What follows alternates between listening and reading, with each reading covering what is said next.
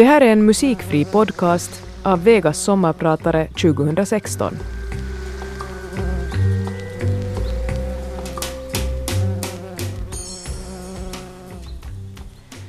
Jag minns inte ens hur det började. Det var en helt vanlig dag i seminarieskolan i Ekenäs. En av hundratals liknande dagar. Jag minns inte om det var vinter, vår eller höst. Jag minns inte vad jag hade på mig. Det jag minns är att jag gick på trean eller fyran. Jag minns klassrummet, var jag satt och hur det doftade torrt av krita och gamla böcker. Jag var en tanig, korthårig, ganska pojkaktig flicka vars hår var tunt och inte växte sig långt. En flicka som drömde om långa prinsesslockar och som lekte med Barbiedockor alla eftermiddagar. Under lektionen var det någon av pojkarna som började stöka till det lite. Som vanligt. I motsats till de flesta andra flickorna så kunde jag inte motstå frestelsen att kasta mig in i lite bus. Oftast var jag mycket duktig och lydig. Just den här dagen gick jag med i det rätt så oskyldiga buset. Då kom fröken in. Och det hon sa, kanske riktigt speciellt för att hon var kvinna, har följt mig hela mitt liv. Heidi, sluta busa. Flickor busar inte. Det är pojkar som busar. Den här kommentaren i all sin litenhet och obetydlighet dyker upp i mitt huvud ännu nu, 30 år senare. Jag blev tillrättavisad för att jag var flicka. För att jag bröt mot den snedvridna konventionen att en del ska följa reglerna medan andra inte måste göra det. Den fundamentala orättvisan i att bli behandlad på ett annorlunda sätt för att jag var av ett visst kön har jag aldrig riktigt lyckats frigöra mig från. Jag har tänkt använda den kommande timmen till att prata om kvinnor och män, flickor och pojkar och hur vi fortfarande behandlas olika. Och framför allt har jag tänkt prata om det pris vi betalar för denna ojämlikhet. Jag heter Heidi Schauman, jag är chefsekonom på Aktia och din sommarpratare idag. Det var Vaja Kondios. Mitt sommarprat kommer att ackompanjeras av starka kvinnoröster. Jag har alltid tyckt bäst om att lyssna på kvinnliga sångare. Helst röster som har något speciellt, som är lite annorlunda. Jag har idag dessutom valt sådana sånger som jag under årens lopp alltid av en eller annan orsak hittar tillbaka till. Sångtexterna har i övrigt ingen symbolik och koppling till det jag har tänkt prata. Sångerna är kärlekssånger, eller i vissa fall till och med sånger där det finns en viss underkastelse, oftast i kärlekens namn. Men kärlek och jämställdhet tävlar inte med varandra. Parförhållanden ser annorlunda ut idag än då kvinnor var hemma och skötte hemmet och män förvärvsarbetade. Men kärleken har knappast förändrats. Jämfört med de flesta andra länder i världen så är Finland ett land där vi är rätt så jämställda. Oberoende om vi pratar om kvinnor och män eller olika samhällsgrupper och minoriteter så är Finland ett land som i den internationella jämförelsen klarar sig rätt så bra. Skillnaderna är relativt sett små i Finland. Bara för att det är bra här betyder det inte att allt är som det borde vara. Bara för att det här är bättre än annanstans ska man inte luta sig tillbaka och vara nöjd över hur fantastiskt allt är. Utan det är viktigt att vi fortsätter jobba för att ojämlikheten ska minska och för att de skillnader som i långa loppet återstår på riktigt återspeglar fritt val och inte rigida strukturer. Och vi har mycket arbete kvar. Dagens jämställdhet har det jobbats för. Den har inte kommit av sig själv. Samma sak gäller om vi vill bli kvitt de lämningar av ojämlikhet som fortfarande finns kvar i vårt system. Jag har alltid tyckt att det för en människa som mig är en lottovinst att ha fötts i Finland. För mig känns det att jag föddes på kliniskt rena Barnmorskeinstitutet en snöig dag i maj för snart 40 år sedan som ett verkligt lyckokast. No, men hurdan är en sån som jag? Det är kanske bra att börja med vem jag inte är. Jag är inte en man från den språkliga majoriteten. De klarar sig oftast överallt. Nej, jag är en kvinna. En kvinna från en språklig minoritet. Dessutom en kvinna som stundvis har svårt att böja sig. En sån där som inte alltid riktigt vet var gränserna går. Samtidigt är jag en kvinna från den vanligaste av vanliga familjer. Från en medelklassfamilj som en generation tidigare var arbetarklass. Inte från överklassen. I ett land som Finland går det ofta bra för sådana som mig. Det finns tillräckligt med utrymme och val. En sån som jag får tusentals chanser i Finland. Man får gå i skola nästan hur länge som helst. Gratis. Och man får göra det på sitt modersmål. Listan på länder där det skulle kunna gå betydligt sämre är ofattbart lång. Jag har alltså haft det bra, men det finns fortfarande faktorer som gör att kvinnor och män inte spelar i samma liga i dagens Finland.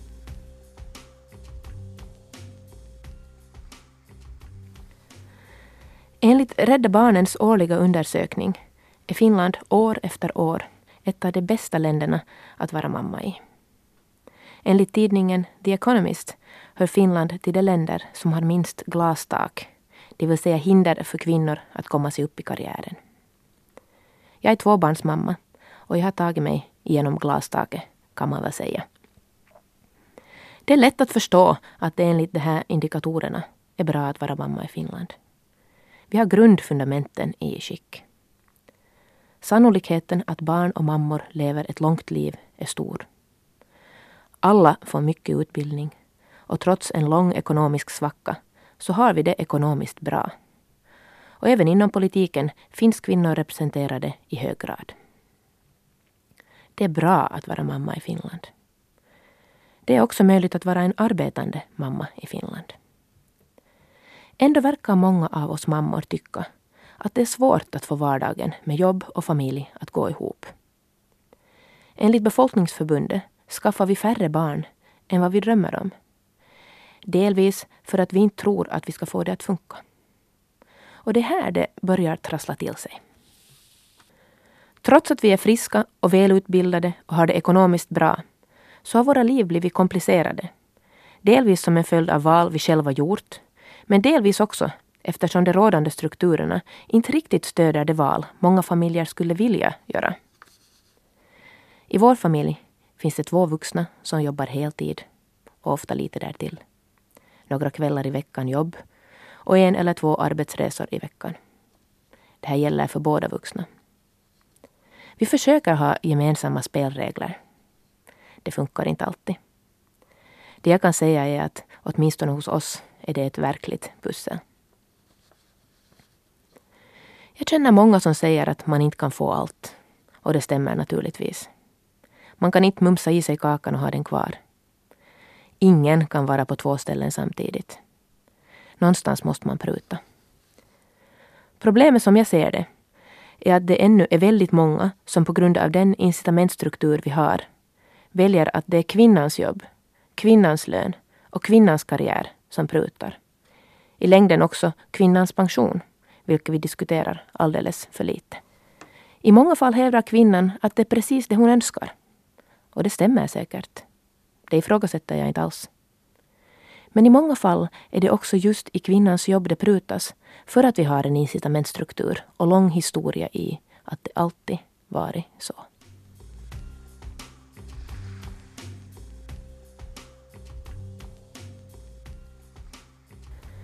Diskussionen om ojämlikhet konkretiseras ofta i Finland på två sätt. Löneskillnader samt varför det finns så få kvinnor på höga positioner i samhället. Kvinnans euro är ett tema som dyker upp med jämna mellanrum. Många är upprörda över att kvinnor i snitt har lägre löner. Kvinnor får i Finland ungefär 20 procent lägre lön per timme än vad män får. Kvinnans euro är 80 cent brukar en del tidningar klatschigt uttrycka det. Det här innebär ju inte att kvinnor får sämre lön för samma jobb som en man. Nej, enligt statistiken så får kvinnor och män ungefär lika betalt för samma jobb i snitt. Undantag finns förstås, åt båda hållen. Problemet med löneskillnader kommer från att kvinnor och män väljer att göra olika jobb. Kvinnor och män väljer olika utbildningar, är intresserade av olika saker. Och det är inte bara yrke vi väljer, utan vi gör många andra val längs vägen. Och alla påverkar det våra löneutsikter och karriärutsikter. För att driva saken till sin spets så väljer kvinnor med låg utbildning ofta arbetsintensiva och lågproduktiva yrken som sjukskötare, närvårdare och barnskötare. Jobb som är människonära och involverar vård av våra medmänniskor. Driften att ta hand om andra människor är stark för många kvinnor. Lågutbildade män är däremot ofta bilmekaniker, elektriker, byggkarlar eller lastbilschaufförer. Yrken där man använder betydligt mer redskap. Yrken där resultatet är mätbart på ett annat sätt. Och yrken som finns inom den privata sektorn. En stor del av Finlands kvinnor jobbar inom den offentliga sektorn. Löneskillnaderna i Finland beror främst på att kvinnor och män jobbar med olika sorters jobb. För tillfället väljer en stor andel kvinnor av alldeles egen fri vilja att utbilda sig till yrken som betalar dåligt. Varför är det så? Eller är det så att vi är väldigt ovetande om löner när vi är i den åldern att vi väljer utbildning? Eller tror vi att vi ska vara nöjda med mindre än vi sen sist och slutligen är nöjda med? För även om många kvinnor motiverar sitt yrkesval med att man har ett kall för att göra det, så tenderar samma människor sen ändå inte alltid att vara så nöjda med sin lott. Här finns det naturligtvis också massor undantag. Massor kvinnor är nöjda med sina löner. Kvinnor tenderar att jobba mycket i offentliga sektorn, där det ibland är svårt att mäta produktiviteten och slutresultatet. Hur mäter man en barnträdgårdslärares eller högstadielärares produktivitet?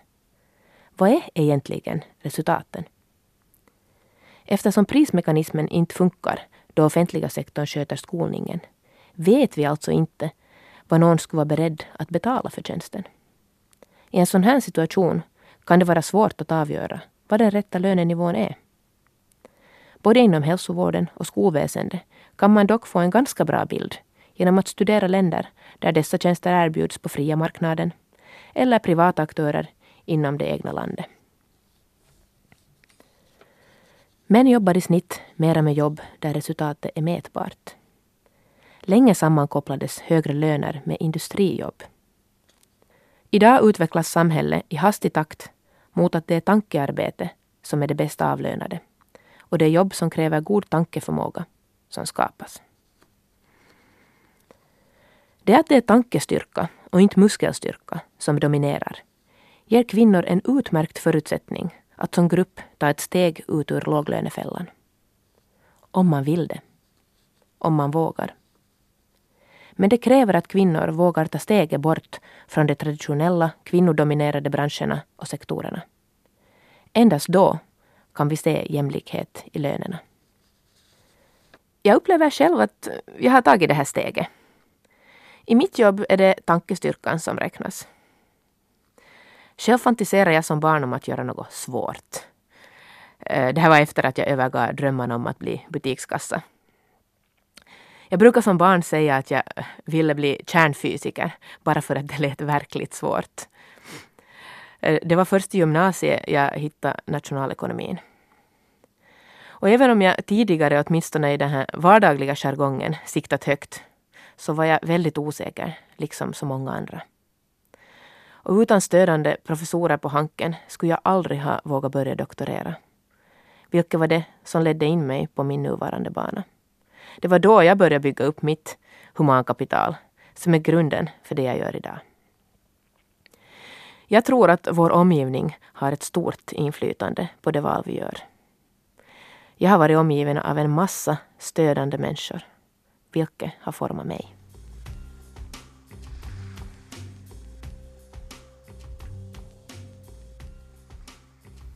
Löneojämlikhet är en sak. Det är att vi fortfarande ser väldigt få kvinnor i ledande positioner i samhället är en annan. Varför är det så att vi fortfarande har väldigt lite kvinnor på toppositioner?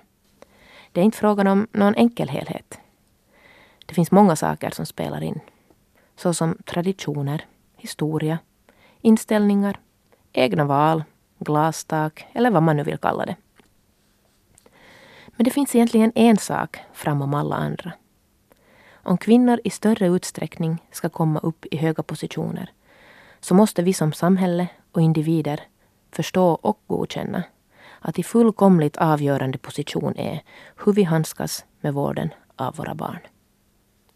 Så länge det ena könet systematiskt använder en större mängd tid på att sköta barnen kommer vi inte att se verklig jämlikhet på arbetsmarknaden. Och det här är precis som det ska vara. Det finns inga gratisluncher. Allt har ett pris. Så länge kvinnan är den som är hemma med den nyfödda babyn, så länge många mammor är hemma flera år med småbarn, så länge kvinnor ofta också är mera hemma med sjuka barn och jobbar mera deltid, ofta för att få vardagen att fungera, för att vara goda mammor och fruar, så kommer situationen på arbetsmarknaden att vara snedvriden som en följd av detta. Det betyder inte att det kvinnan gör för familjerna och samhället skulle vara mindre värt eller dåligt. Inte alls. Men följden av detta är att arbetsmarknadsutsikterna är sämre. Här stöter jag ofta på protester. Det verkar finnas många människor som tycker att kvinnor borde få ta lite genvägar. Både vara hemma med barn flera år och sen som av ett under landa toppjobben. Men så kan inte vara. Om kvinnor som grupp inte kan erbjuda arbetsmarknaden samma sak som männen som grupp så kan inte belöningen heller vara samma. Jag ska snart förklara närmare hur jag tänker här.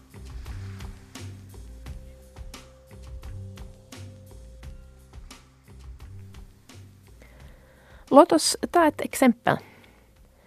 Föreställ dig ett nygift par där båda parterna är 28 år.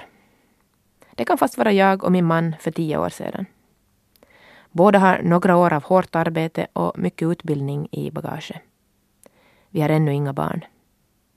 Vi är på de flesta sätt väldigt vanliga. Vi har sikte inställt på två eller tre barn. Alla ska födas inom de kommande tio åren, för den biologiska klockan har börjat ticka. Om vi skulle vara ett snittpar i Finland skulle jag ha visstidsanställning inom den offentliga sektorn. Min man skulle troligtvis ha fast jobb på ett medelstort företag. Min man skulle ha högre inkomster än jag. Jag och min man var inget snittpar. Jag var mycket riktigt anställd inom den offentliga sektorn. Men jag hade fast anställning. Min man hade just sagt upp sig och höll på att starta eget företag. Jag hade inkomster. Någon som håller på att starta ett företag har väldigt sällan inkomster överhuvudtaget. Men om vi utgår från ett par där parterna är mera lika varandra. De har likadan utbildning och liknande arbetserfarenhet. Båda går på en arbetsintervju för ett väldigt intressant jobb som skulle innebära ett stort steg uppåt i karriären. Kanske det avgörande steget. Det som avgör om man har det vad man kallar karriär eller bara jobbar. Föreställ dig rekryterarens position. Vilken av kandidaterna är bättre? Är det kvinnan eller mannen?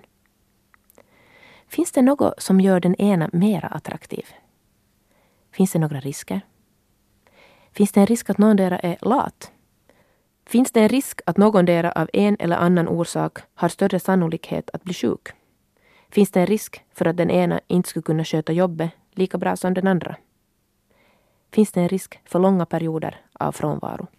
I kvinnans fall så blir svaret på den sista frågan så gott som alltid ja.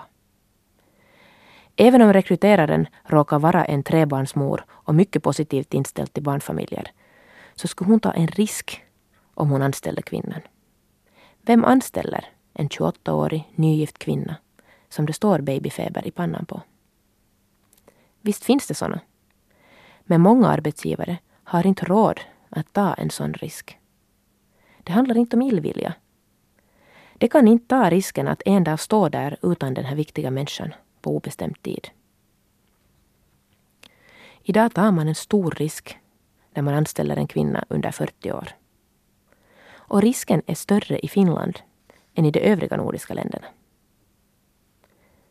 Den här risken beror på att en arbetsgivare inte kan veta hur många barn en kvinna kommer att föda. Inga, ett, tio. Och således kan man inte veta hur länge arbetstagaren kommer att vara borta. I Finland ökar risken ytterligare eftersom man inte kan veta hur länge hon kommer att stanna hemma per barn. Här är den stora skillnaden till många andra länder. I Finland kan man välja att stanna hemma länge, upp till tre år, när ett barn föds. Kan ni föreställa er vad det här innebär för en liten arbetsgivare? Kanske skulle man klara sig utan en nyckelspelare ett halvt år. Eller om man riktigt, riktigt kämpar tio månader, så som föräldraledigheten är nu. Men tre år? Hela det här argumentet baserar sig på att ju högre upp kvinnor kommer i våra organisationer, desto omöjligare blir det att bara ta in en vikarie om någon blir borta.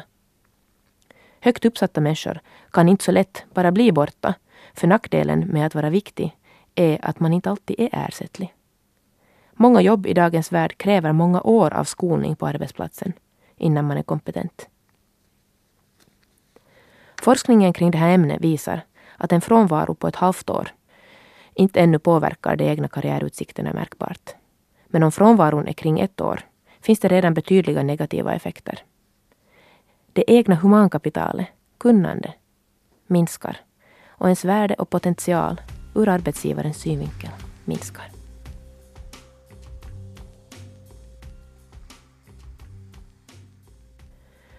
Om man skulle veta att kvinnan bara skulle vara hemma ett år per barn skulle arbetsgivarens risk minska. I det här sammanhanget är det bra att komma ihåg att tio månader hemma i och med att ett barn föds är enormt mycket jämfört med vad vi ser runt om i världen. Och det är en fin sak. Det jag vill lyfta fram är att prislappen för det här fina är större än vad många av oss tror. Om föräldrarna skulle dela på barnomsorgen jämt skulle vi uppnå en situation där arbetsgivarna, efter att alla i snitt gjort så en tid, skulle inse att det inte mera finns en kvinnospecifik barnrisk, ursäkta uttrycket, utan en risk som har att göra med alla yngre människor.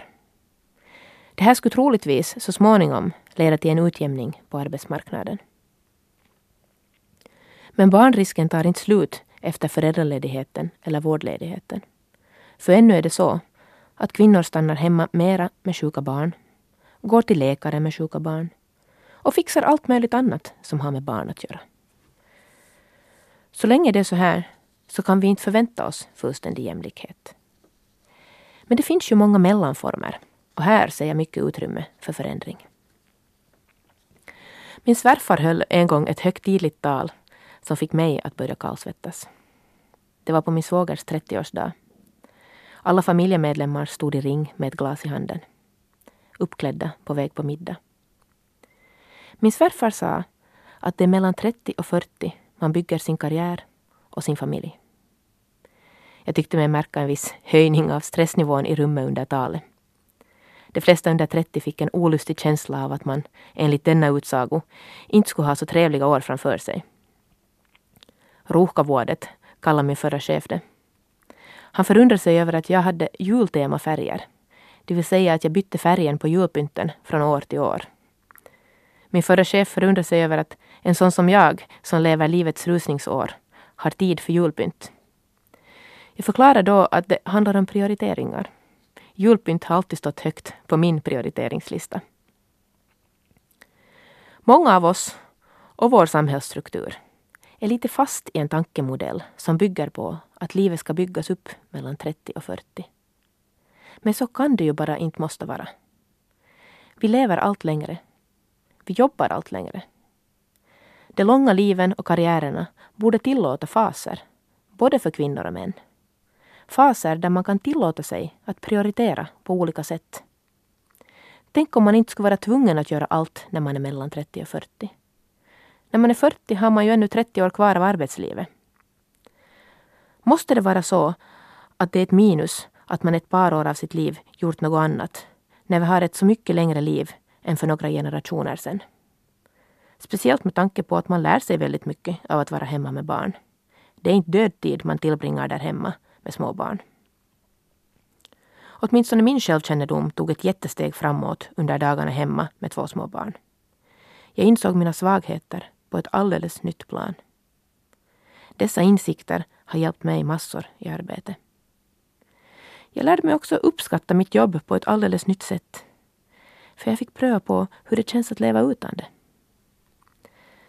Det här kanske låter motsägelsefullt för dig som har lyssnat ända sedan början. Vad jag säger är att jag tror att även män i större skala än nu skulle må bra av en sån här period.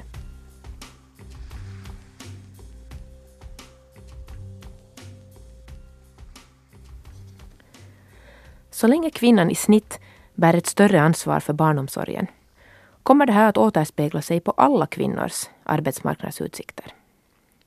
Det här är en tanke som många inte känner sig bekväma med och till och med käbblar emot. Men så är det. Jag har sämre utsikter på arbetsmarknaden eftersom en del andra kvinnor väljer att stanna väldigt länge hemma med barn. Och alla andra kvinnor har en sämre situation på arbetsmarknaden som en följd av att jag och inte min man valde att vara hemma med våra barn när de var små. Arbetsgivaren kan inte veta om jag är en sån kvinna som kommer att vara borta mycket med barn eller en kvinna som inte alls får barn. Och eftersom de inte kan veta så är rekryterande av en under 40-årig kvinna alltid kopplat till risker. Så som vårt samhälle ser ut idag så gäller inte detsamma för till exempel en ung man. Om man jämför situationen med USA, där barnavårdsledigheterna är en bråkdel av vad det är i Finland, ser vi att karriärutvecklingen är helt annorlunda och det finns mycket mer kvinnor på toppositioner än i Finland. Prislappens storlek mäts där åt andra hållet. Låt familjerna välja är ett återkommande mantra när vi diskuterar barnvård i Finland. Ofta syftar man på om barn ska vårdas hemma eller på dagis.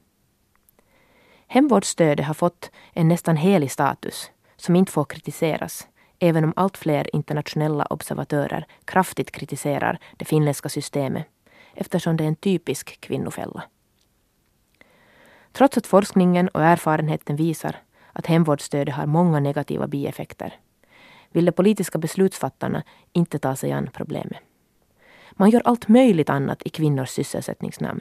Men hemvårdsstödet, det som klart skiljer oss från resten av Norden, vill vi inte röra. Låt familjerna välja låter trevligt. Det låter snällt. Men är det snällt att först bygga upp en skev incitamentstruktur och sen säga att man får välja? Varför valde det? Inget ärligt val alls, tycker jag. Kvinnor är inte som män och ska inte heller eftersträva att vara det. Men det är viktigt att vi förstår varför kvinnorna i toppen fortfarande är så få och varför kvinnans euro är bara 80 cent. Man kan inte få allt. Ibland måste man välja. Jag heter Heidi Schauman och det här var mitt sommarprat. Radio Vega.